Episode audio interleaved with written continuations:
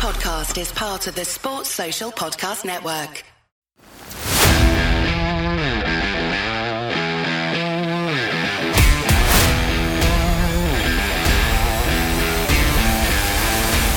Croeso i podcast Rugby Cymru.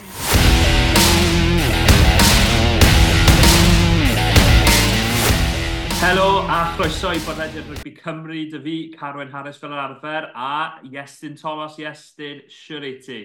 Yeah, good. Well ni yn ddo. Mi uh, old uh, mental health card di, di triplo mewn, so bach, bach yn dydd wael ddo, ond um, well, fi me.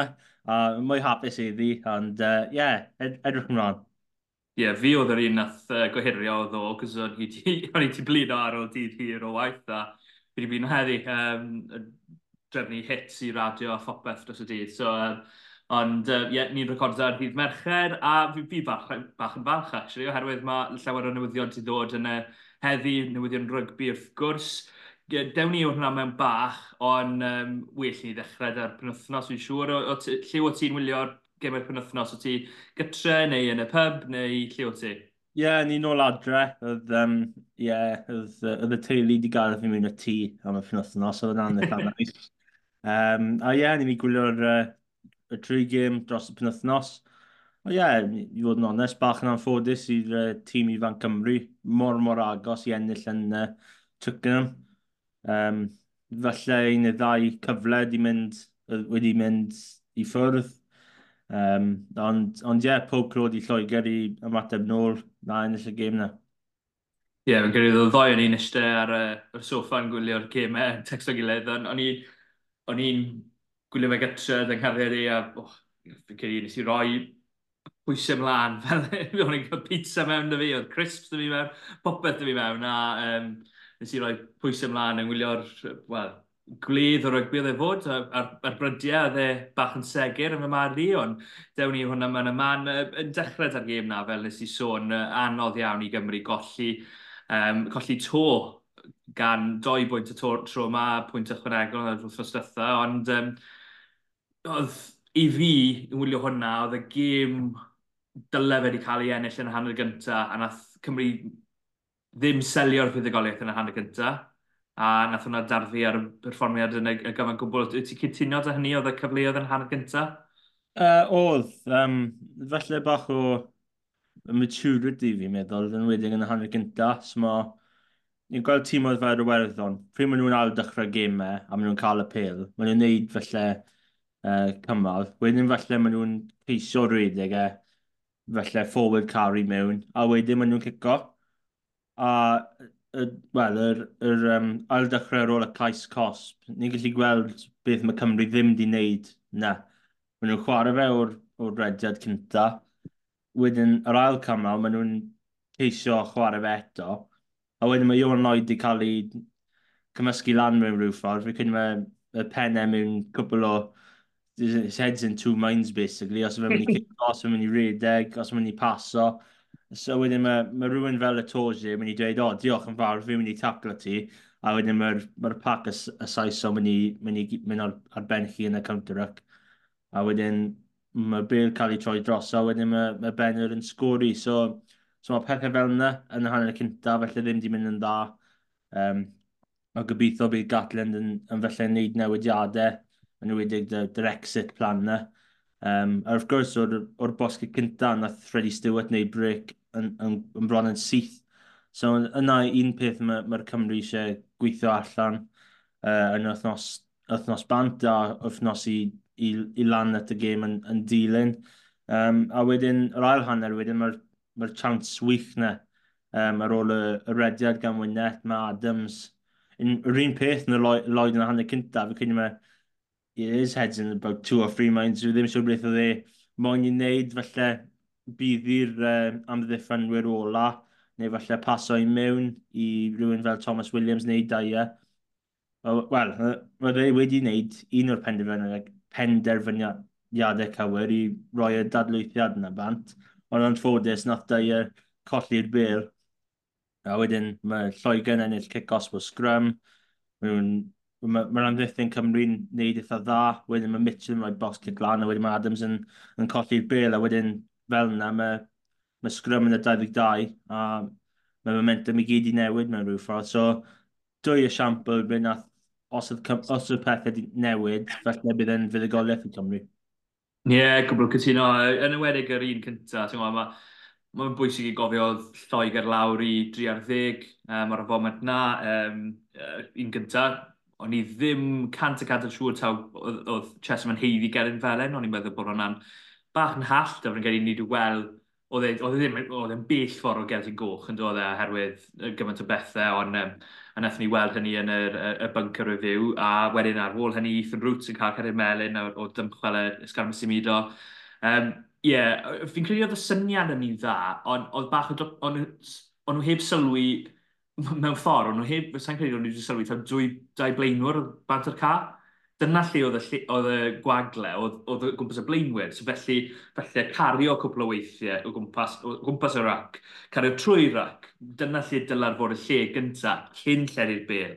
Um, a wedyn, ti'n sôn, fel y ti'n sôn, Iwan Lloyd, mewn dwy feddwl, oedd e wedi gweld bod gwagle yn yr ochr dywyll, oedd wedi dod nôl, ond felly dod nôl yn rhy hwyr a wedyn cael ei ddal tu ôl i'r rac da iawn gan Mara Maratouge, oedd yna'n teimlo'n second yn fy ngwyd fi'n gweud da iawn iddo fe, ond um, a chwarae teg iddo fe i, i wneud y dacl a wedyn uh, bach yn wan yn amddiffynol wedyn gan um, y, y chwaraewyr newydd um, Man, Wyneta a Iwan yn, yn, yn erbyn Benyl oedd i ar hynny. A fel nes i sôn, y, y, y, y, y eiliad na, yr ail hanner hefyd, Josh Adams, fi'n credu, os bod Gareth Davies ar y ca, fi'n credu bydde fe wedi bod na ar yr, ar yr ochr, bydde cyflymdod y fe i fod da Josh Adams di wneud bach fwy o waith, ond chwarae teg i George Ford, mae fe wedi'n wych i amddiffyn Thomas Williams a sicrhau bod y pas na mewn i Thomas Williams ddim ar gael. A wedyn, yeah, falle os chi'n edrych ar y Josh Adams o dwy flynedd yn ôl, mae fe'n torri mewn tu fewn i um, Freeman a mae fe'n ma fe well, hyd yn oed, os mae Pale yn cael ei algylchu, mae cyfle dad a Cymru, ei rhaid i Gymru, yn ywedig o feddwl bydde Rio a, a Thomas di bod yna i, i, i ymosod. Ond ie, fel pryd nath hwnna ddigwydd, bydde Rio di bod yna, bydde Thomas di bod yna, bydde cyfle da Cymru i ymosod oddi ar hynny.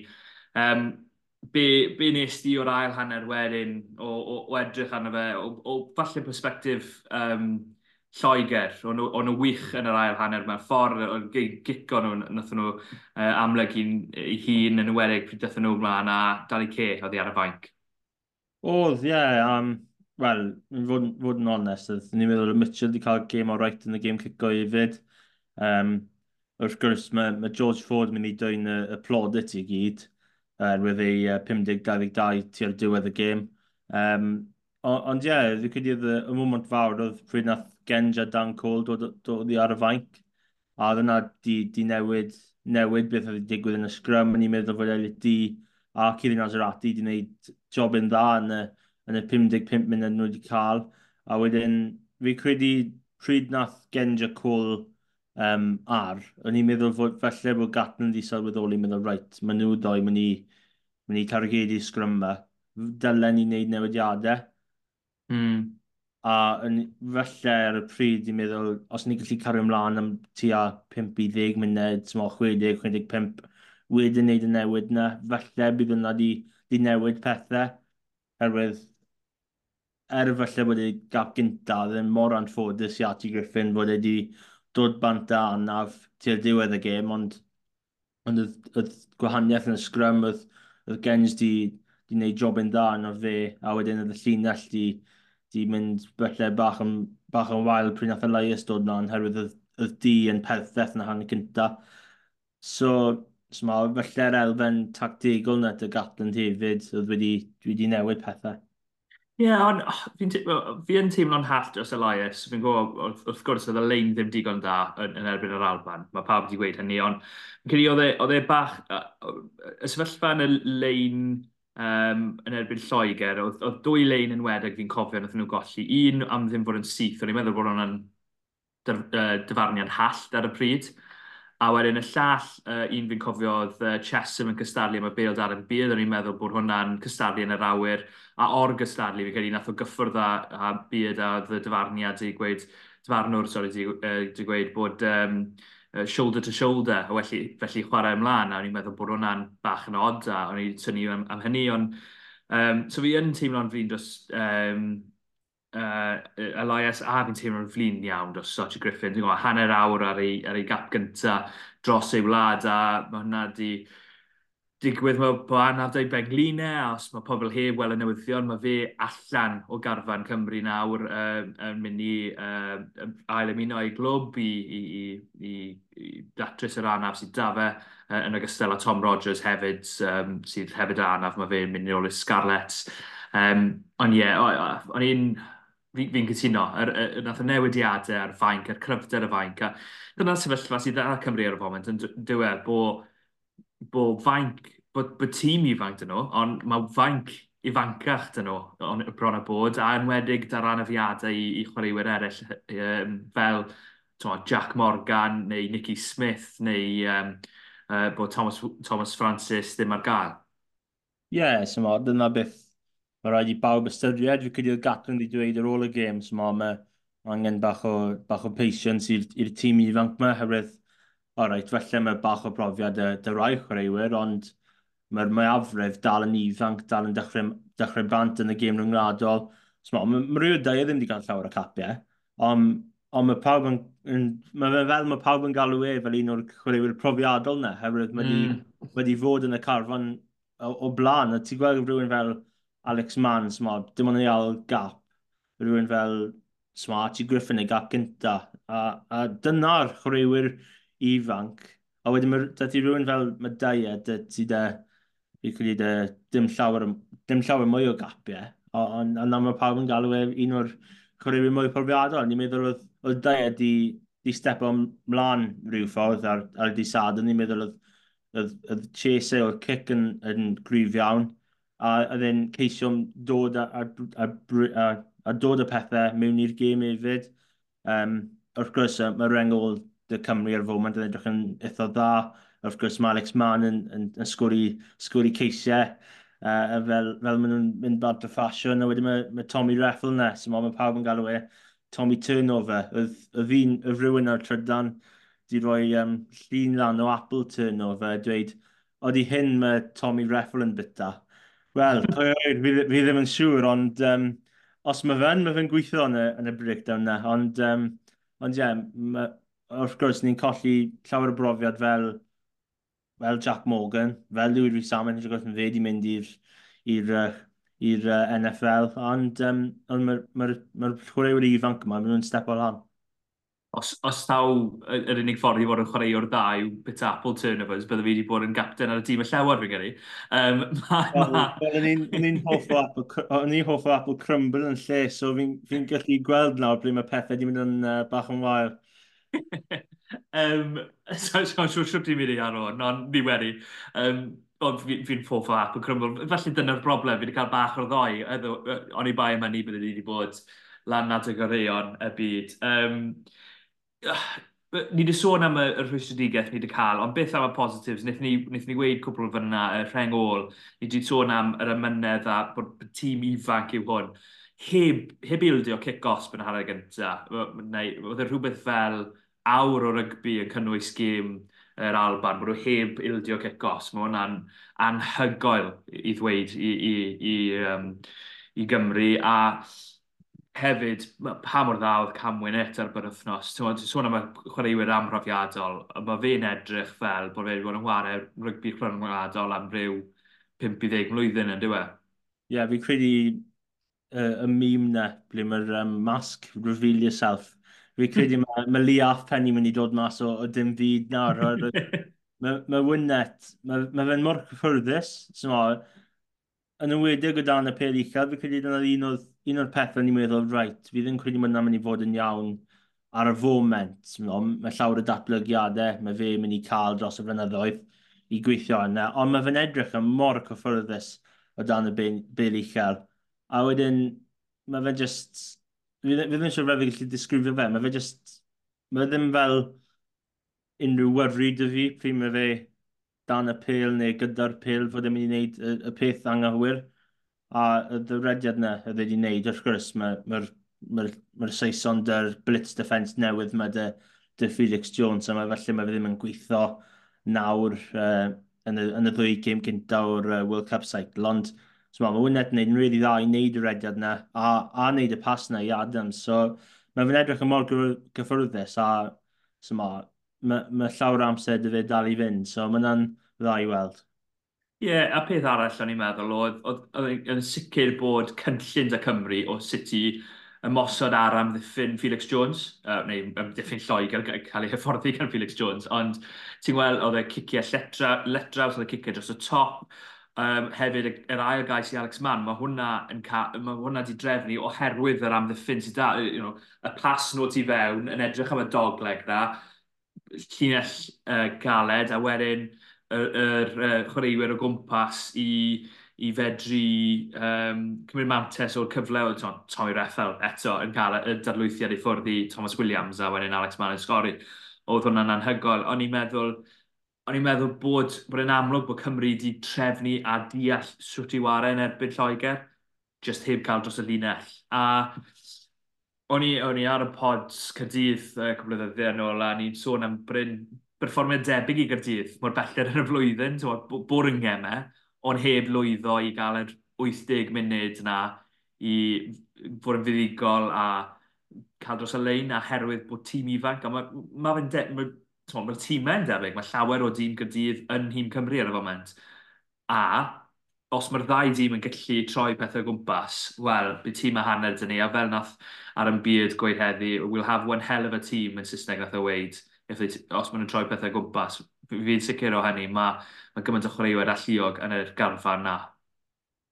Ie, yeah, o di, a, wel, Madden Beard yn gwneud mispasses nawr fel, uh, fel ddim siŵr pam mae fe'n gwneud e, fe just pob, pob aml mae fe just roi'n mas a mae'n un arall ar y pethnos, so um, yeah, long may that continue fel maen nhw'n dweud. Uh, dwi ddim siŵr os mae ail reng yn neud mispasses yn, yn, yn hanner ei hun falle rhan o'r tacteg, ond um, on, oedd fi'n meddwl dy'r cic electra, so oedd y syniad na, mm. a di, a dim byd yn erbyn Iwan Lloyd, fi credu mae fe'n chwaraewyr dda, dy'r dy, Scarlett, ond falle ar y foment, fe ddim lan i'r lefel rhyngwladol eto. wrth gwrs, mae dim ond tymor cyntaf fe fel, fel rif deg i fod, i fod yn onest. So, yeah oedd, oedd pethau yna oedd ei gallu gweld, ond felly fydde ddim yn just fel execution fel nhw'n felly ddim na, ddim cant y cant ar, ar, ar well, on the money fel nhw'n dweud, so mae fyny, ma fyny fod yn diddorol ar ôl felly blwyddyn o fe yn y, y campiau rhyngwladol ond gweithio dy rhywun fel Neil Jenkins, fel mae fe yn datblygu an, an, an, ar y llwyfan rhyngwladol. Ie, yeah, wrth gwrs, diddorol blwyddyn nesaf, falle pryd mae cael ymsidi nôl yng Nghyrdydd a'r brwydr, falle bydd e'n ychwanegu i'r brwydr am y Cris Rhyf Deg. Um, Weithio ni sôn am gemau eraill y penwthnos, uh, buddugoliaeth, mo, eitha swmpus, we, i, i werddon, oedd e ddim yn, ni ddim yn disgwyl unrhyw beth yn, yn, yn, yn gwahanol i hynny. Um, y foment fawr i fi yn y gêm na, oedd um, pryd o'n i'n ystod yng Nghariad i, a pryd oedd Hugo Cyn lawr dan, a fel ddoen ni ro'n yn crio oherwydd ni mor... Mae fe'n chwaraewr anhygol yn diwedd uh, Cunan. O'n i moyn siarad amdano fe, oherwydd sa'n credu mae fe'n cael y clod, mae fe'n heiddi, yn ewedig tu fas i werddon. Mae ma pobl... Mae Kevin cefnwyr wych o gwmpas y byd, mae Freddie Stewart yn gallu dal popeth, mae Tom Ramos yn gallu gwrth ymosod a cicio at y pist. Ond i fi, Cunan yw'r un sy'n gallu gwneud popeth. A'n amddiffynol, mae fe'n anhygol, mae'n gallu yn, yn uh, Starmio Principality fyny diwetha, nath o atal dwy o geisiau Cymru a you know, be, just ail neu ddau amdano fe, fi moyn glywed ohono ti, yes, ddim wedi, this at ti lad, sy'n not, hyn o'n sydd ddim yn lepo Cynan, ti angen rhoi clod iddo fe. Ie, yeah, na, mae ma fe'n chwaraewyr wych fi'n meddwl, o'n i'n cofio, o'n i'n cofio gwylio fe chwarae i Lensden yn y gwirch um, blwyddyn diwetha. Oedd hi'n credu wedi sgori, a oedd um, sgori un o'r ceisiau eitha pwysig yn y gêm na, fi credu oedd un falle di roi nhw ar y flan neu falle di, di, di cloi y gap. Um, a oedd wedi e cael gym, o'n i ddim yn meddwl wedi cael gym wych, Oedd wedi cael gym dda yn y gym na, ond on, on o'n i gallu gweld falle mae'r boi yma gallu fod yn, yn chwaraewyr dda, a wedyn ti'n gweld e yn y chwe gwlad, ni'n meddwl, wel, dyna beth oedd chwarae yn erbyn gwyll mis yn ôl, waw. Mae'n credu mae fel fel nath nath gwyllt felly cadw nhw'n dawel, neu fi ddim siw fel yn ei wneud e, hefyd fe dal felly dy, dy involvement fe nhw'n dweud. Ond oedd just lefel, oedd e just gallu mynd, ma, mynd lan un neu ddwy lefel yn, yn eitha hawdd, oedd ddim fel, oedd ddim fel llawer o, o pethau fe e gallu newid, oedd e just, just di mynd lan lefel. A nawr mae fe'n un o greion, greion y byd, a ni'n meddwl, waw, mae, mae fe just, mae fe just chwaraewyr wych, a ond mae'r mae newyddion wedi dod mas dydd neu ddwy yn ôl fod felly mae fe mas o'r gêm Cymru mewn pethednos. A fi credu mae'r mae werddon i gyd mewn fath o meltdown, herwydd maen nhw ddim yn siŵr pwy sy'n mynd i dod mewn o flan fe ar y foment. So, mae, mae pobl yn dweud Stockdale, mae pobl yn dweud Cian Frawley, chwaraewyr arall o, o Leinster. Ond mae fe fel irreplaceable fel rhyw ffordd mae Cian ar y foment. Herwydd mae wedi cael blwyddyn y dwy wych Ie, yeah, anyway, fi'n gwybod bod anaf dy Jimmy O'Brien ar y foment y dos, so mae fe mas a, a gath dy lama, felly ddim EM o'r ori ar y fain yn erbyn, uh, erbyn yr eid ar wedi'i gath ei wneud cwbl o gamgymeriad e ar oedd o'r ar, ar ar y fain. Um, Ond ie, bydd hwnna'n siom. Er bydd e'n llawer haws i Gymru ddim wywynebu e. Um, bydd e'n siom os bydd e'n yn gallu wario yn erbyn y Cymru mas yn nilyn. Um, A'r gêm arall, yr Alban yn erbyn Ffrainc, wel, mae hwnna wedi cael ei... Mae pawb yn sôn am dyfarniadau yn nhw o'r gêm yna. Um, I fi, mae'r rhwystredigaeth fwyaf yw dyfarniadau wel, un dyfarniad, fel nes i sôn i ti, fi gyda cyn well, ar, ar y bryd, ond hefyd um, y rheolau o gwmpas cam, cam sefyll. Um, ti'n moyn esbonio'r rheolau sydd mewn, sy'n sy mewn byddolaeth ar y foment, a, a beth ddigwyddodd i'r sefyllfa wnaethon ni weld yn um, yr Alban yn erbyn Ffrainc? Ie, yeah, bach o challenge o'n i teisio ddysgu'n yn dda. E, uh, right. Idiot um, guide di fe, fan. Uh, fi ddim siŵr os mae'n gallu adnygaffu to the bill, fi ddim siŵr beth ti'n mynd i dod mas fan. Um, so mae ma tîm oedd yn cico nôl, nôl ymlaen yn ei gilydd. Um, a mae'r ma, rai weithiau mae ma, ma, ma dy ti chaser, e, so felly un o'r asgellwyr yn, um, yn, yn wel, o'r cic yn rhoi bach o pwysau ar y amddiffyn. Um, a Frank di wneud syniad eitha dda o ddim rhoi unrhyw chase lan. Uh, yn ymwedig yn ail hanner, pryn oedd uh, Ramos a Russell ddim yn nôl at ei gilydd. A oedd, um, well, oedd, oedd pac, y, pac y Francwyr jyst i stopo, a, well, who blames them fel rhyw ffordd. Um, a oedd, mae ma reol yw, os mae'r So, fel esiampl, os oedd Russell wedi dal y pel a redeg 5, 5 metr, mae, mae pawb nôl onside fel maen nhw'n dweud. A, a mae, mae, mae amddiffyn gallu dod lan a rhoi bach o pwysau yn y fe, neu mae Russell gallu cico nôl, neu, neu falle redeg e o'r, or 22, fi ddim siŵr pa, pa, pa ffyn Russell ni moyn am y, y siampl yma. Ond um, Ond oedd hyn wedi digwydd, a oedd ni wedi gweld rhywbeth tebyg yn y gêm rhwng um, Caerlir a Caerfaddon. Uh, dim Caerlir, uh, yeah, Caerlir a Caerfaddon. Um, yn y, yn y Galag Premiership cwrdd oedd nos enol. A oedd hyn, oedd hyn, oedd hyn ddim wedi mynd am amser hir, just, just un, uh, credu oedd y clip yn just un funed, oedd, oedd popeth wedi stopo lan ti'r diwedd. Um, Ond oedd hyn wedi digwydd am, am amser hir iawn, wel, yn i'n meddwl yn amser hir iawn. Um, a just, just y game cico, just mynd lawr. Oedd yr Alban ddim wedi rhoi unrhyw un lan am y, am y chase chwaith. Pob clod i Frank yn nhw i ceisio redigau, rai digau, Um, ond oedd, oedd y drin wael pryd nath Russell just uh, aros na a oedd neb di mynd lan. Oedd wedi gwneud na wythnos cyn yn uh, Stadium Principality. Ond oedd yna because oedd Chase Cymru yn eitha wael a oedd e jyst mewn sefyll na. Uh, ond o'n i'n gallu gweld yr wythnos yma fod y Frank di wneud mynd yn tactegol, fod nhw ddim o'n rhoi Chase lan, herwydd mae'n rhaid nhw cyfro'r backfield herwydd y, y 52 neu felly just, just bach o tiriogaeth. Um, so oedd yna di wneud, wneud, that did the rounds fel maen nhw'n dweud ar y, ar y cyfryngau. Oedd llawer o pobl ddim yn hapus. Um, a, a fi credu mae'r ma um, ma lo yma o, o ble mae chwaraewyr, um, pryd mae'r amddiffyn yn gallu, uh, wel, ymosod nôl at y person sy'n dal y bel ar rôl maen nhw 25 metr yn mynd i, wel, well, fi credu mae fe'n mynd i mynd, i mynd rhywset. Ni wedi gweld y siampl yna, dy'r um, Super Rugby. Maen nhw wedi uh, rhoi bach o tweak i'r reol a a, a, a newid e.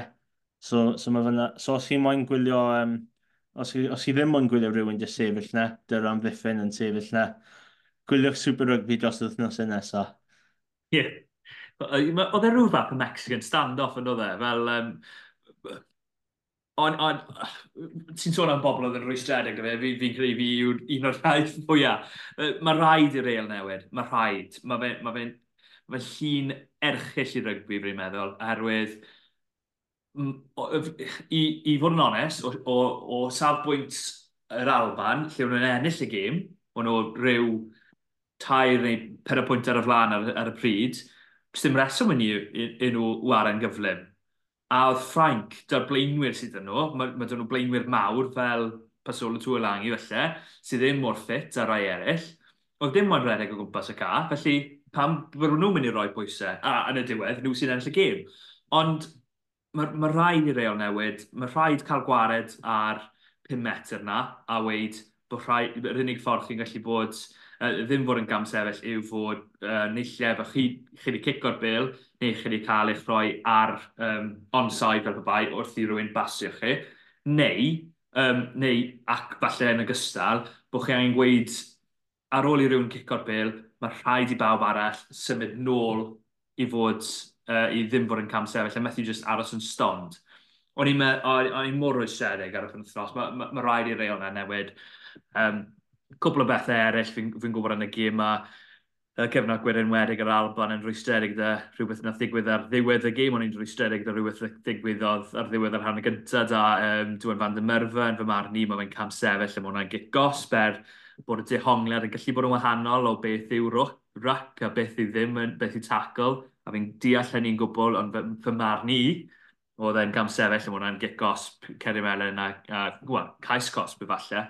Um, ond wedyn, ie, yeah, reit ar y diwedd, um, Nick Berry yn gweud bod e'n credu bod y bil wedi cael ei ddal lan, a wedyn Brian McNeese yn dweud, wel, fi'n credu mae'r bil lawr, o na, fi'n methu gweud yn sicr bod e lawr, felly fi'n methu wedyn sicr bod e, bod e bod e cais wedi cael ei sgori. Fi'n credu, Iestyn, ti'n cytuno, mae ma rhan fwy o'n i'n credu bod cais wedi cael ei sgori, ond o ran y dyfarniad a'r sefyllfad gyda be nath Nick Berry ddweud, oedd digon y dystiolaeth yn dyfarn di bod Brian McNeese yn gallu troi'r um, troi uh, dyfarniad hwnnw o gwmpas a gweud bod e'n cais.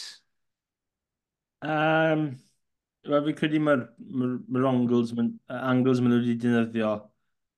Fi credu mae fe ddim yn sicr os mae'r bil di mynd dros y llinell gais fo rhyw ffordd. Um, yn fy marn ni, fi credu un o'r, un o'r angles o la, ni'n meddwl, reit, mae hwnna'n gais. So, mm. Oedd un o'r angles yna di, di cael ei roi ar y dechrau, felly bod y penderfyniad di cael ei newid. Um, ond, so, mae ma ma fe'n anodd dyfarnu gym, gym rygbi dyddiau yma. So, rhywbeth mor, mor agos tu tu'r diwedd y gêm. So mae yn greiddiol mae Berry di, di gwela, gwela bel ar boot, rhyw, rhyw boot. A wedyn, fi ddim yn siŵr os mae fe gallu gwela llithol, llithol lawr i fod yn onest. A fi ddim yn siŵr fel, fi ddim yn siŵr pryd y tro diwetha fi gallu clywed y, y geiriau inconclusive ar ôl Steve Walsh yn Twickenham yn 2012 yn y fformat ola na rhwng Cymru a Lloegr. Ond um, Ond of course, mae fe'n un anodd ar y, ar y arbanwyr, ond oedd cyfle yna yn y hanner cyntaf i ennill y gêm yna. So mae pryn nhw 3 pwynt i fan 13, mae'r cloc yn goch mewn a Antonio wedi mynd i call cosb oherwydd uh, mae wedi taclo heb, um, heb rap o'r uh, breichiau. So mae, mae cyfle yna i cael 3 pwynt hawdd. 16 mynd i'r hanner. O, o rhaid, mae fe ddim yn two score lead mae fe'n, ma fe you know, it's an extension to the, to the one score lead maen nhw, wedi cael, ond on, on nhw wedi dynyddio'r tap and go. Pam nath nhw ddim dynyddio fe'r ailwaith? Pam nath nhw wedi mynd am scrum? So mae'r ma scrum, fi ddim yn dweud mae fe'n lottery, ond... mae fe, come on, gweud e. Set myself to failure. Um, ond mae ma mwy o... Um, mae mwy o penderfyniad yr dyfarnwr. It's, it's, you know, you can only control your controllables. A, a mae mwy o, e, uh, mwy o pethau ar y dyfarnwr, mae fe gallu newid neu penderfynad. Of course, mae fe gallu rhoi kick-offs Frank. Neu falle os mae dyfarnwr arall yna, mae, fe, mae nhw'n mynd i rhoi kick-offs i'r arban. Felly bydd Berry yn galw reset a, a newid pethau. Of course, mae, mae Pac Frank yna, er maen nhw wedi colli Antonio, mae Aldegheri wedi dod ymlaen, mae mae'r ysgellwr um, Bia Biari wedi mynd bant. Fi credu twc tro cyntaf fi wedi dweud unwaith e, gywir. So, um, yeah, frame it. A... ma, yn, yn fy hun, ni'n gael fe'n BB gun. So ngol pam, Ni'n jyst yn galw fe'n BB gun. Mae fe'n gloi, fi gallu dweud yna. Ond, um, ond sy'n on, mae'r ysgellwr wedi mynd bant, a mae fe dal 8 yn erbyn 8. So, falle mynd am y tap So o'n i wedi gweld tîmoedd fel y werddon Leinster, maen nhw'n gwneud symudiadau eitha ffansi dy'r tap yn go nawr, ddim yn just uh, wneud car, cari yn syth. So felly dyna ble nath y, y gêm di mynd o'r, o, uh, or Alban, nid yn hollol y penderfyniad ola yna. Ie, yeah, mae ma, ma rhyw fath o feddylfryd yn, yn rygbi rhwngwladol, bod e'n gymaint o fantes i sicrhau bod prop arall yn dod mlaen yn dos, oherwydd rwy'n gyda nhw'n meddwl, o, fell, os, os mae prop ar y ca, ie, maen nhw wedi colli llawer o bwysau, ond mae dal llawer o bobl yn yr, yr linell am ddiffyn, mae dal dych chi'r olwyr i gyd, mae dal dych chi'r rhen ôl i gyd. Falle bod e'n fantes i cymryd propan. Ond yn y sefyllfa hynny, hynny lle chi'n 5 metr mas, fel ti'n gweud, control controllables yw, yw fraidd, e? yw, yw, yw frawddeg yn Saesneg. Rheoli beth chi'n gallu rheoli a cymryd kick-osg, cymryd tap and go, be bynnag yw, yw reswm, oherwydd, uh, be bynnag yw'r modd o wneud hynny, oherwydd, um, ie, yeah, pryd mae Alda Geiri'n dod mlaen, mae fe'n ffres, mae fe'n dod o'r oddi ar y ffainc, mae fe'n gallu, gallu gwythio fel, fel miwl be bynnag mae fe moyn neud, mae gallu gwythio fel am, am bob ddim sydd da fe, am ryw funud, i sicrhau bod Frank ddim yn ildio to cyn hanner amser. O'n i'n meddwl bod e'n dewis wael gan yr Alban ar y pryd, a, wel, yn, yn diwedd, oedd e'n dewis wael iawn. Um, Fi'n credu mae hwnna'n recap gloi-ish o'r penwthnos. Um, well i ni sôn am newyddion sydd wedi dod mas yn yr uh, 48 awr diwetha, oherwydd mae llawer o newyddion wedi dod mas. Wrth gwrs, fel, fel ni wedi sôn yn gyntaf, Archie Griffin a Tom Rogers mas o, o, ar, o garfan Cymru am uh, y weddill y chwe glad. Ond mae wedi bod dau ail arwyddiad. Mae Keelan Giles wedi ail arwyddo i'r gwelch yn ynghyd a Tom Botham, felly ni'n sôn am Tom Botham mae fach hefyd, um, a Matthew Screech di ail yr oeddo da'r dreigiau hefyd. Yn ogystal â hyn mae'r newyddion, wel, fi'n credu bod pob cefnog o'r or gweilch wedi bod yn disgwyl am bod captain Justin Tiprick nôl yn ogystal â chwaraewyr rhyngwladol uh, Alex Cuthbert a Nicky Smith ar ôl anafiadau. Uh, Justin Tiprick heb wario ers tachwedd a uh, um, game Cuthbert, game uh, diweddar, uh, fwy o diweddar e, oedd nôl yn ebryll blwyddyn diwetha, felly yn erbyn, mas... yn erbyn Alban mis chwefrwr diwetha, so tua blwyddyn nôl nawr. Ie, yeah, so mae hwnna'n dangos yn union beth sydd wedi digwydd um, dyn ffeir dan y fiadau a hyd yn oed Nicky Smith mae fe wedi bod mas am ddwy fus. Um, Do, dechreuwn ni dy hwnna. Mae hwnna'n hwb fawr i'r gweilch, ond dwi e ar gyfer y penwthnos lle maen nhw'n uh, gytre yn erbyn Ulster. Ie, Yeah, ti di sôn amdano'r um, re-signings na, dy Kieran Giles a Tom Botha. Uh, Pnawn mae ma, ma Max Nagy di rwyddo cytundeb oh, neu. Yeah. So, mae tri dyn nhw nawr, wrth gwrs, mae ma Nagy bant yd, uh, anaf eitha anffodus yn erbyn Bennett yn mis, tach, uh, mis ragfyr. So, mae ma fe'n dda i weld mae wedi rwyddo uh, cytundeb newydd. Um, a ie... Bwysig, pwll bwysig i fi, sori, ar ôl beth ddigwyddodd i Willis Halaholo a Dimitri ar hip rydyn diwetha, mae'n fe'n holl bwysig i fi gael rhyw fath o gysur bod e cytundeb fwy hir dymor yn ymwedig ar anaf na, ynddo fe? Odi, a um, felly ydy'r tri chwaraewyr sy'n dod nôl, so, mae, ma Tiprick, mae, ma fe, ma fe dal yn chwaraewyr eitha dda, er mae wedi, ma wedi amddeol o'r, or gêm rhyngwladol, so mae, ma, ma, he's still got it fel maen nhw'n dweud, a Um, fi credu, ma, ma, ma, wrth gwrs, mae fe'n captain y gwylch ar y foment, so er falle mae'r ma captain, the captain role di newid dros yr wythnosau diwetha, dy Morgan Morris di fod yn captain, mae Madden Beard di fod yn captain dros Nadolig ar gêm uh, gymau Ewropeaidd. So mae'n mynd i fod yn nice i gweld Tiprick nôl. Wrth gwrs, mae'n mynd nice i gweld Nicky Smith nôl o anaf. Um, llawer o, o gwynion ar, ar y cyfryngau, fod, fod e, oedd e ddim yn y, y carfan Cymru, oedd e ddim wedi cael llawer o gemau dros, dros cwpan y byd, so gobeithio nawr mae, mae fe'n dechrau dy, mwy o momentum dy'r um, dy ranbarth, a mae, mae fe'n nice i gweld Alice Cuthbert nôl. Um, yn ywedig o'n i ar pod y gwych ar y dechrau'r tymor, o'n i'n meddwl, oh, byddai'n nice i cael Cuthbert nôl ar, ar dechrau'r tymor, ond mae wedi ma, ma, di, ma di mae ma fe dy problem, problem anafiadau, anafiadau, nawr mae fe'n nôl, a mae fe'n fe ddau weld yn nôl chwarae. Er, er fi wedi really mwynhau e ar y sgrwm five bod. Ie, yeah, mae wedi cael spel mas yn neud uh, pods, wel, pod ei hun wrth gwrs da Sporting Wales yn ogystal uh, Sanchiel. Yeah, Gweud unrhyw... Mae pod ni'n well. Gran Gwranda'r i bod ni. O, oh, hands down. Yeah. yeah. Um, llawer fwy proffesiynol. um, ddim. Yn sicr na, dyw e ddim. Um, ond, ie, yeah, mae fe'n braf iawn i weld y trio nhw yn ôl yn dyw e. Um, ond mae her fawr dar, dar gwelch fel, fel nes i sôn gyna, maen ma, nhw'n chwarae yn erbyn Ulster, di disili hynny i fe. I fe. Um, a, um, wel, wrth feddwl bod gymaint o chwaraewyr o Gymru mas, wel, bydd byd fi'n siŵr heb gael ei ryddhau, Gareth Thomas, um, falle bydd Watkin nôl os, os sôn, mae fe'n edrych fel falle bydd e ddim yn cael ei ryddhau na, um, neu uh, pwy o'r llall nawr, mae'r enw wedi mynd mas. George North. George North, wrth gwrs, bydd e ddim yn cael ei ryddhau, diolch yn fawr, ond yn gwybod bod pedwar, methu cofio pedwar pedwerydd. Um, methu cofio yr un dy cant a deg o gapiau.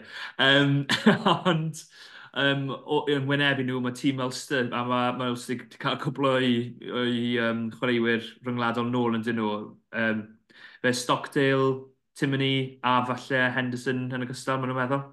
Um, fi credu rhywun, fi ddim siŵr os rhywun wedi dweud Tom O'Toole, fi'n ni'n ofio. Um, fi'n ni'n ofio, yn i wedi darllen ar ddo, a, a fi'n ni'n ofio. So, um, a fi credu dy'r dyr newyddion fod, fod tri chwaraewyr rhyngwladau sydd dod o'n y gwell. Uh, fi'n credu mae fe'n ma fe setlo fe lan fel falle gym dda i weld, so mae, wrth gwrs, mae gwyll ddim fully loaded, ond mae'r ma fafrydd y tîm na yn, yn dal y, y tîm ni wedi gweld dros, dros y tymor. Um, so mae ma ti rhywun fel Ruben Morgan Williams, rhywun fel Jack Walsh, mae ma Dan Edwards mynd i fod na. So mae Kieran Williams mynd i fod na. Mae ma Dom Morris mynd i dod nôl o'r ôl anaf, oedd e wedi cael ar y dechrau tymor. Um, so mae ma mynd i fod yn diddorol i gweld ble mae'r tîm gwylch yma yn erbyn tîm sy'n falle lan yn y, yn y tabl fel Ulster. Of course, mae dim llawer o pwyntiau rhwng, rhwng y ddwy tîm. Fi ddim credu mae, mae Ulster wedi cael tymor pertheth. Oedd, yr Europe bach yn siom iddyn nhw. Um, maen nhw lawr yn y cwpan her, maen nhw'n chwarae Montpellier yn y rownd 16 ola. So felly bydd, bydd mwy o ffocws ar y, ar y cyngrad yn nhw nawr, uh, yn ymwedig felly maen nhw ddim yn y, yn y Champions Cup. Ond, um, ond ie, yeah, maen nhw'n fod yn gym diddorol fi'n meddwl. Uh, fi dal yn gweld Ulster fel ffefrynnau, um, ond, ond fi siŵr mae'r ma, ma, ma gwyll mynd i mynd, mynd at nhw yn, uh, yn grif iawn. Ie, yeah, mae fe'n gêm holl bwysig i'r gweilch yn dywe yn ogystal o, o feddwl beth sydd tan i ddod da teithiau. Fe credu, maen nhw'n mynd bant i Glasgow, maen nhw'n mynd bant i Leinster fyd yn fyno. Maen nhw'n Peredin, Peredin, wedyn Munster. Um, Wedyn y Lions ar ôl y chwech glad, mae hwnna'n gêm eitha fawr. Wedyn mae'n mynd i De Africa, wedyn mae'n chwarae Leinster oedd i gatre. So mae'r ma, bloc, ma bloc o uh, gêm yma um, ddim, yn, ddim yn rhi... Uh, ddim yn rhi ffôl ar ôl y, y standards y, y tîm oedd e, ne. Ie, yeah, so mae fe'n gêm holl bwysig am obeithio'n y gweilch ar gyfer yr wyth uchaf. Fi'n fi, fi mynd i weid bod y gweilch mynd i ennill. Oedd perfformiad anhygod yn nhw mas yn, mas yn ebryd y Lions. A gewn ni weld pwy sydd yn y rheng ôl yma. Falle bydd Morgan Morse yn ôl o dîm dan 20, falle Tipbrick, Harry Deeves, fi'n fan mawr o fe. Oeddi Harry, mae fe'n bach yn hall dan Harry Deeves os mae'n lle griser, taw, just yn Tipbrick y bydd e. A Ruben Morgan Williams, mae fe wedi bod yn chwarae safon i fi, safon rhyngwladol, yn, yn, dros, dros y flwyddyn. Felly, um, mae fe'n talent enfawr uh, yn ogystal â uh, rheng, rheng flan gryf fel mae fe wedi wastad bod Tom Booth yma llawer o bobl. Ti'n bod yn sôn felly dyle fe cael ei alw lan am garfan Cymru um, os os, di, os mae fe moene, gewn ni weld, mae fy mona ddim yn sicr ar y foment. Um, beth am y gemau eraill, Cydydd, maen nhw gytre i tîm weddelig arall, tîm weddelig arall sydd heb golli llawer o'i chwaraewyr rhyngwladol, um, yn conocht, um, Bundiaki wrth gwrs, bydd e ddim ar gael, Finley Bilem, ond mae dal chwaraewyr fel Prendergast, fel JJ Hanrahan, fel um, Butler yn y rhengol, maen nhw ma tîm dda yn dyn nhw conocht a er maen nhw ddim felly um, ar y safon o nhw ar ddechrau tymor, bydd yn her mawr i gydydd. O, fi credu pob tîm werth am mynd i fod yn, yn her fawr i, i bob tîm o Gymru. Um, wrth gwrs, os ni'n gweld y, y budget fel, fel nath i sôn, so mae ma nhw maen nhw'n light years ahead fel maen nhw'n dweud, ond a, a, a mae llawer o brofiad y dîm, y tîm Conrad Mech hefyd, so mae rhywun fel Colin Blade, um, fi credu mae fe ddim dywerdd, ond fi jyst eisiau. Na, mae fe ddim. Um, so mae fe'n dy llawer y problem, mae rhywun fel han ar han. Wrth gwrs, mae, mae, mae Mac Hansen ddim yn mynd i fod yna. Mae fe, mae fi credu mae fe dal yn y fifa yn uh, cael cwbl o peint, fi'n meddwl, dy'r uh, dy anna fe. Ond, um, ond ie, yeah, mae dal llawer y brofiad yna. Um, Small chwaraewyr fel Butler, fel nath i sôn. Um, fi, fi ffili cofio, mae llawer o chwaraewyr wedi gadael yna, rhywun fel Papi Ili a chwaraewyr fel yna. Fi'n fi trio cofio pwy, pwy sy'n dal yna. Um, Ralston yn yr asgell, mae fe'n ma fe chwaraewr dda ar Australia, yn nhw hefyd. Ie, un arall, maen nhw, maen nhw, fi'n credu maen nhw, maen nhw de Sub Academy yn Australia, a maen nhw wedi Al Hansen yn awr Ralston hefyd. So, ie, um, yeah, mae ma, ma tîm llawer o brofiad yn nhw, um, mynd i fod yn her i, i tîm ifanc ar dydd. Ond fi credu mae'r ma twy tîm ma, felly i gymaru a gweill ar ystod, mae twy dîm me, mynd i taflu bel o gwmpas.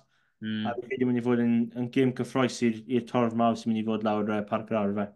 Ie, yeah, mae fe wastad yn gêm dda. Ti'n cofio gêm, gêm well, enwog o ran Cymdydd yn gyda lle oedd uh, Rhys Priestland a, a Jared Evans yn cael anafiadau cynnar yn y gêm oedd Lloyd Williams yn warau maswr a Thomas Williams yn cico. Um, ni ddim yn mynd i weld hynna wythnos yma, ond um, gobeithio bydd yn gêm dda. Mae fe wastad yn lawr y barc yr arfe a um, oedd y ddoi ni siarad cyn y gym, uh, cyn dechrau'r pod, sori, am byti uh, pwy bydd yn ennill y gym yma.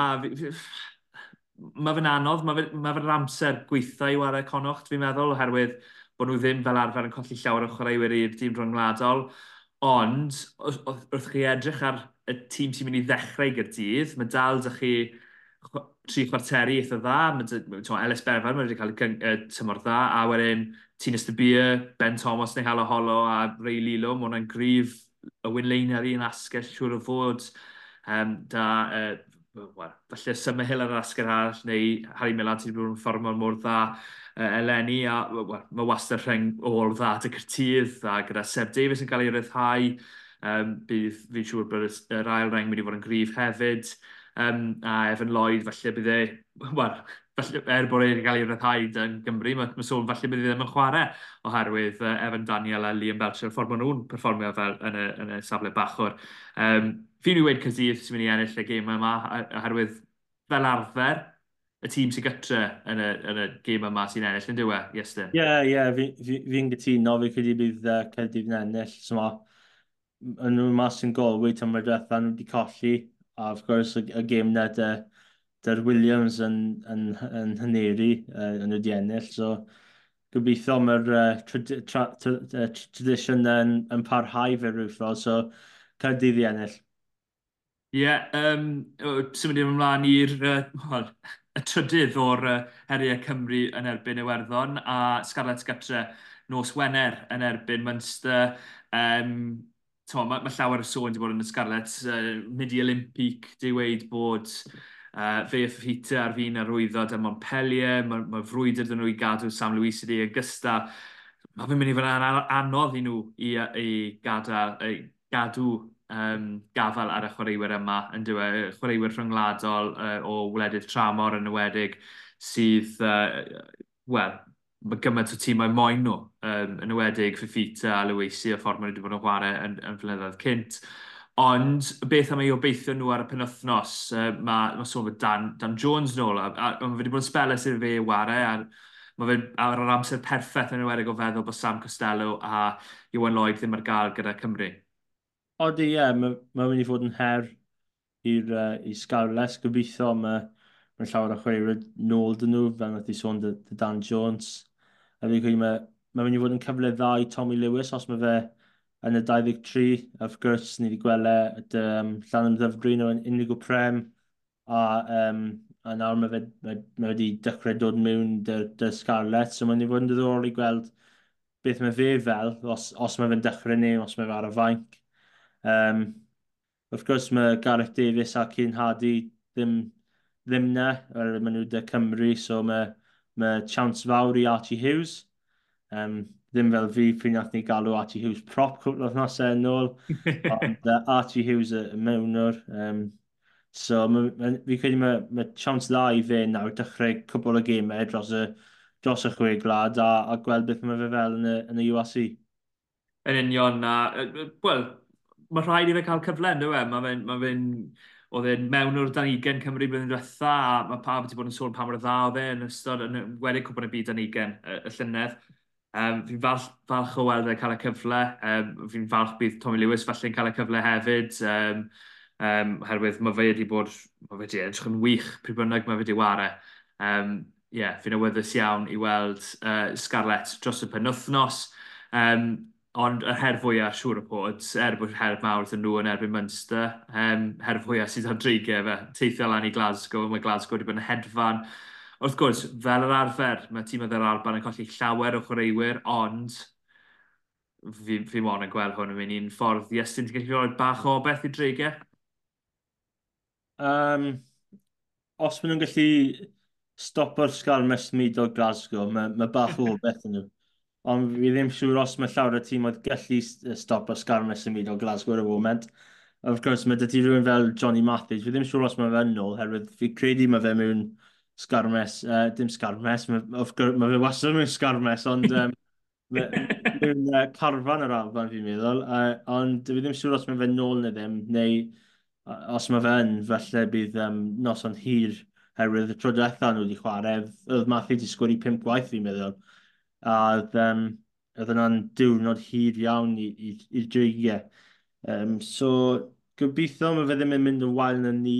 Um, of course, os ymwneud gallu gael, gael stop o'r sgar ymwneud gall, gallu cael bach o momentum yn y pac, wel, mae ma dy ti cyfle herwydd mae'r ma, ma, ma brwydr yn y pac yn mor bwysig. Um, of course, mae dydy chwaraewyr fel yn Eirin Owen. Um, falle bydd Harry Ackham yn ôl o'r tîm dan 20, bydden mae fe wedi performio dda dros, dros y dwy gêm diwetha dy'r tîm ifanc na. Um, wrth gwrs mae fe'n anffodus i colli rhywun fel Ryan Woodman um, dy, dy anaf. Ond mae, dy, dy, mae dal tydi rhywun fel, fi ddim siŵr os mae Oli Griffiths dal yn, dal yn iach neu ddim. Um, a, a ie, yeah, mae'n mynd i fod yn her anodd. Um, os mae, os mae dwi'n gallu cadw mewn y, mewn y, mewn y ffait fel maen nhw'n dweud, o'i oed falle, ond mae'n mynd i fod yn, yn her anodd a falle yn noson hir. Ie, yeah, yn union. Um, Ie, yeah, dyna, dyna be ni'n credu. Uh, just gyflym, uh, pwy wyt ti'n meddwl bydd yn ennill Scaris neu Munster? Munster fi'n meddwl, fi credu bydd, bydd y pac yn rhy grif a ie, yeah, bydd, ie. Yeah, gobeithio mae fe'n clico yn, yn, yn, yn, yn, yn, yn gyflym i'r Scarlets, hefyd mae fe ddim yn edrych yn dda, colli pob gêm yn y cwpan her. A ond mae fe'n ma fe gêm anodd i dod nôl ar ôl cwbl othnosau bant David yn erbyn tîm cryf fel Munster, so fi credu Munster mynd i ennill.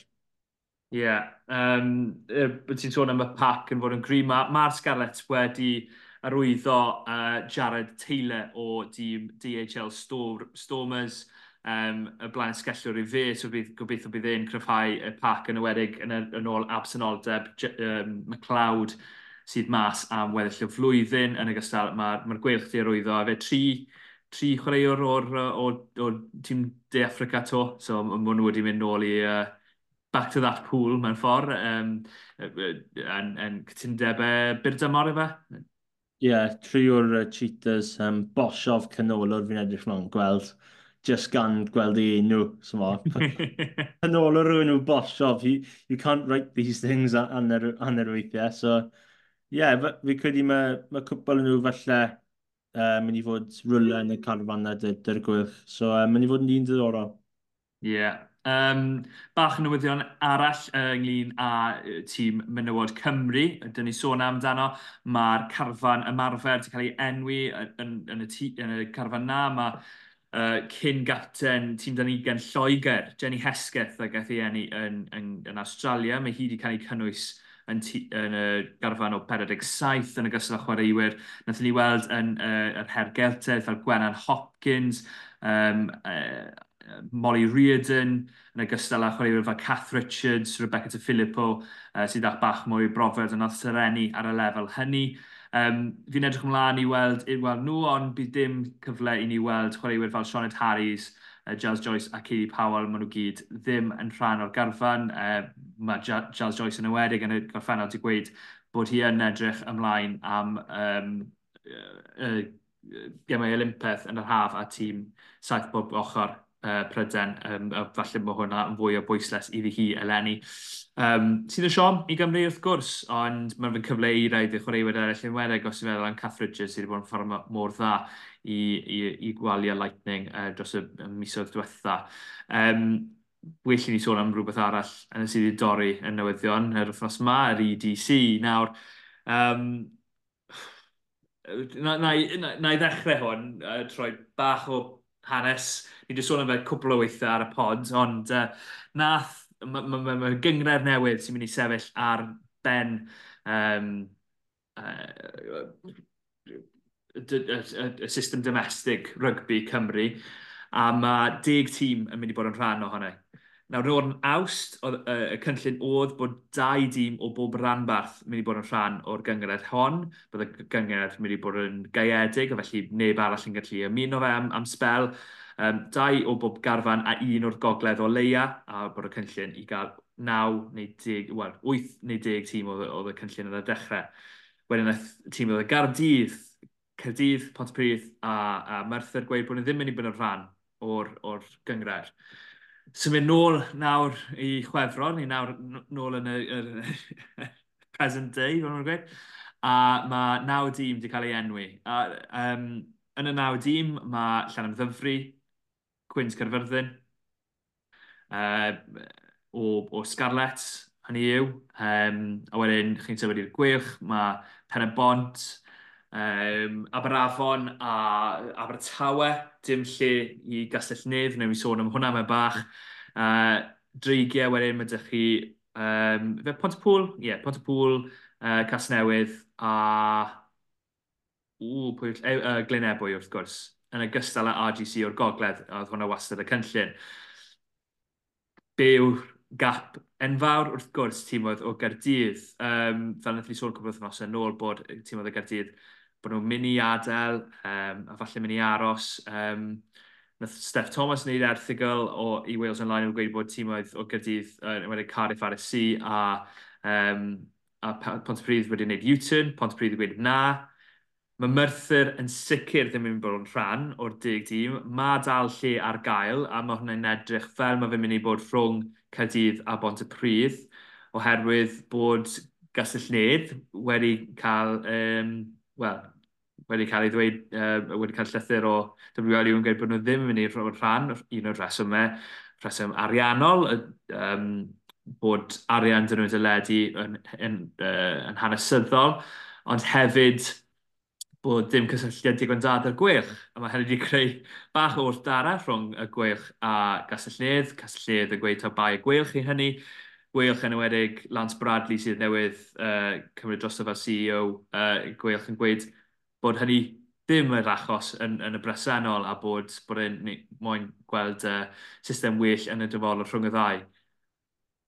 Tom, yes, dim mae rygbi Cymru, mae, ma, ma pob wythnos mae rhyw scandal neu mae rhyw um, hint a helen neu mae rhyw gwrthdaro. Dyna, mae fe, ma fe werth y byd i, i ni fel e, uh, pobl sy'n moyn mynd i'r byd y wasg yn dyfodol, ond mae fe'n rhwystredig ar weithiau, yn dweud?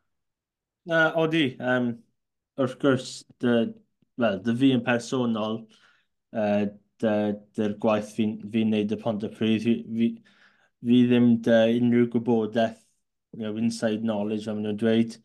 Fi'n fi just clywed beth mae pobl yn dweud yn, yn gemau yn heol Sardis, neu falle os fi'n fi siarad i rhywun o'r clwbiau eraill. So, i fi yn personol, mae fe'n bach yn anodd i i gweld hyn yn gyd yn, yn digwydd, herwydd fi ddim siŵr pa, pa rygbi fi'n mynd i gweld tymor nesaf, ond wrth gwrs mae'n ma, ma anodd so, ma, ma, ma, o safbwynt pont y pryd mae ma, ma pobl yn dweud falle maen nhw'n mynd nôl mewn.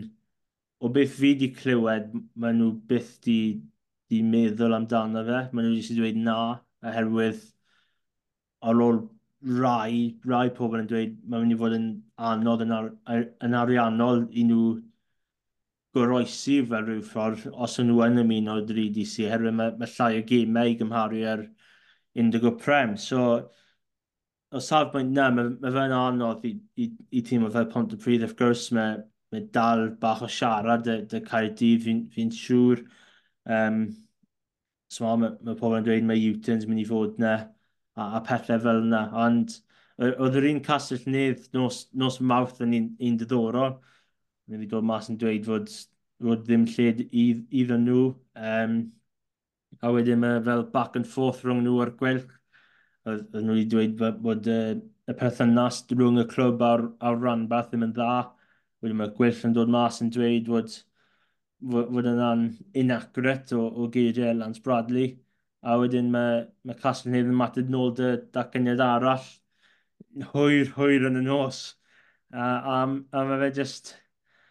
Ie, yeah, fi, fi ddim siŵr beth, beth mae'r undeb ceisio wneud fe rhyw ffordd. Oedd gan fod oedd y, oedd y premiership na, oedd o'n i'n gallu gweld rai chwaraewyr ifanc yn, yn defnyddio'r clybiau, ni wedi gweld y Caerdydd fod nhw'n defnyddio yna. Uh, oedd Abertawe wedi cael cwbl o chwaraewyr gwylch, herwydd oedd bach o newid yna, e, gan fod rai chwaraewyr gwylch mynd mas i, i clybau fel Aberafan, clybau fel Pen y Bont, um, a wedyn nhw gyd dy gilydd yn Abertawe. Um, of course, mae, mae chwaraewyr dy, dy Scarlett yn mynd mas i, i Llan y dyfru a Quins bron pob wythnos. So, fi ddim yn siŵr beth nawr beth mae'r mae, cyngor yma mynd i, mynd i fod fel rhyw ffordd, herwydd, dy'r dy'r carfrannau o ran o'n mynd i fod yn mor, mor tyn, os gallen nhw roi chwaraewyr mas i'r clybiau yma pob wythnos i roi bach o development game time i rai. Of course, mae rai mynd i dal mynd i fod yn chwarae yn y, yn y cysleuaeth yma.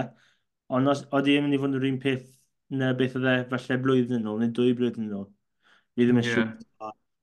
Mae fe'n ma fe un anodd i, i ceisio, can't really pick for the bones of it fe, fe rhyw ffordd. Mae ma fe, fi credu mae'r ma dadleuon mynd i dal parhau dros y dyddiau wythnosau nesaf. Ie, yeah, yn, yn sicr nôl yn aws pryd oedd y cynllun wedi cael ei wneud. Ni wedi gweld y cynllun yn newid cwbl o weithio yn parod, ond ar y pryd y cynllun oedd bod yna bwysles ar y chwaraewyr yma so, rhwng tua 20 neu falle bach yn iau a 25.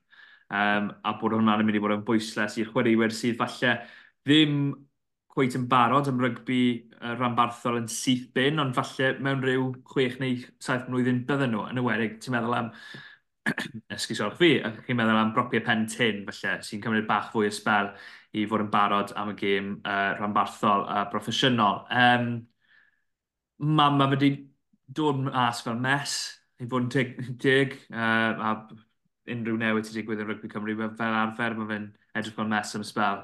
Ond fi, ar y pryd, o'n i'n wyddus allai hwn fod yn, allai hwn fod yn peth positif. Nawr sa'n mor sicr, um, dy'r sefyllfa.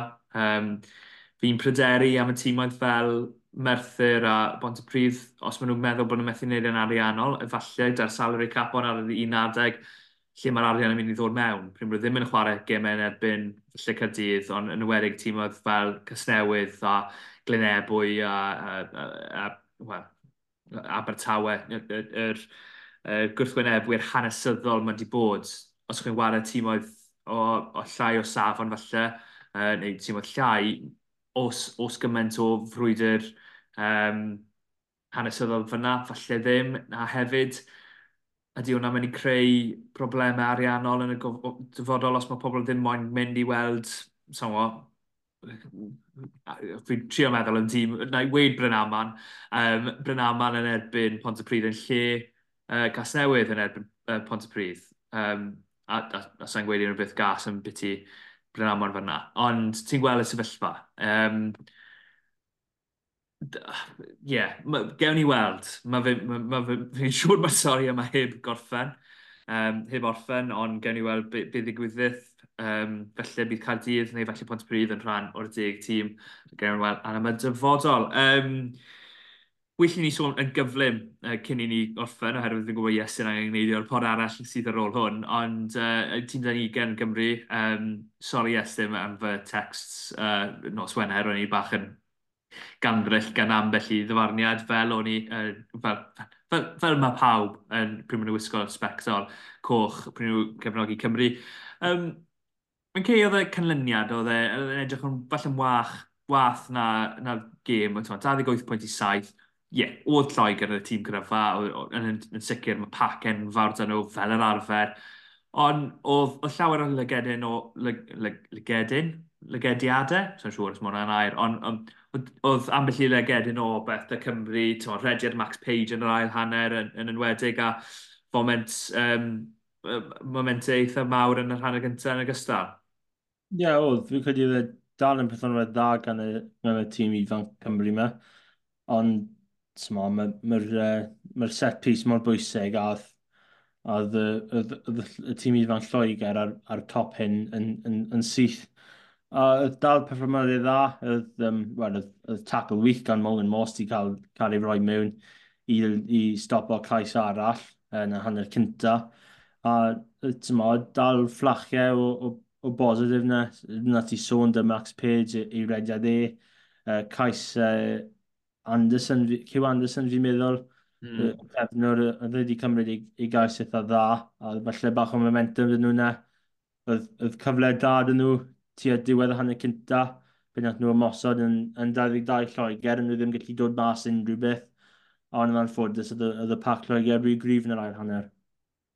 Ie, yeah, yeah, yn sicr. A well, fel, fel y tîm hyn, Lloegr, nath nhw uh, dod â maswr ma bant o'r, or fainc, sy'n cofio'r enw fe, fi'n rili sori, ond uh, dath y maswr bant o'r fainc a cico'r popeth do, cico'r cico bel bob man a rheolau'r gêm yn dda iawn. Um, yes, then, os unrhyw beth arall, dylen ni sôn amdano cyn i ni adar. Fi ddim siŵr, um, na, fi credu ni fi sôn amdano popeth, fi'n meddwl bron y bod. Na i fynd trwy uh, gemau ar gyfer y penwthnos um, yn y, yn y gyngor Premiership. Uh, mae Merthyr gatre i Gasnewydd nos fori, um, nos iau, os chi'n gwrando yn hwyr. Um, a hefyd wedyn yn edrych ymlaen am y penwthnos. Mae gemau eraill uh, dros penwthnos hefyd, sef Aberafon gytre i ADC, uh, Pen y Bont yn gytre i Glynebwy, Gastellnydd gytre i, i Lan Amddenfri, Pont y Pŵl, Cydydd, Abertawe Cerfyrddin. Um, yeah, ond o'n i bai bod unrhyw beth arall, bod ni wedi anghofio a siŵr o fod bod yna yn hyn a heled rygbi Cymru. Um, diolch yn fawr i ti Iestyn a diolch yn fawr i Barod am rando. Cofiwch um, dilyn ni ar gyfryngau gymdeithasol os chi'n moyn gweld ein gwynebau ni a fi'n eisiau lawr gysiau heddi um, am wahaniaeth, felly chi'n clywed yn y sŵn neu chi'n di gweld e ar YouTube. Um, ond ie, yeah, diolch yn fawr o rando a hwyl fawr.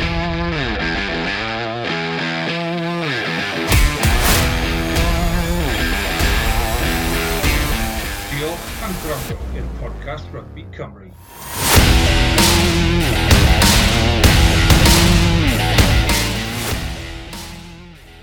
Sports Social Podcast Network.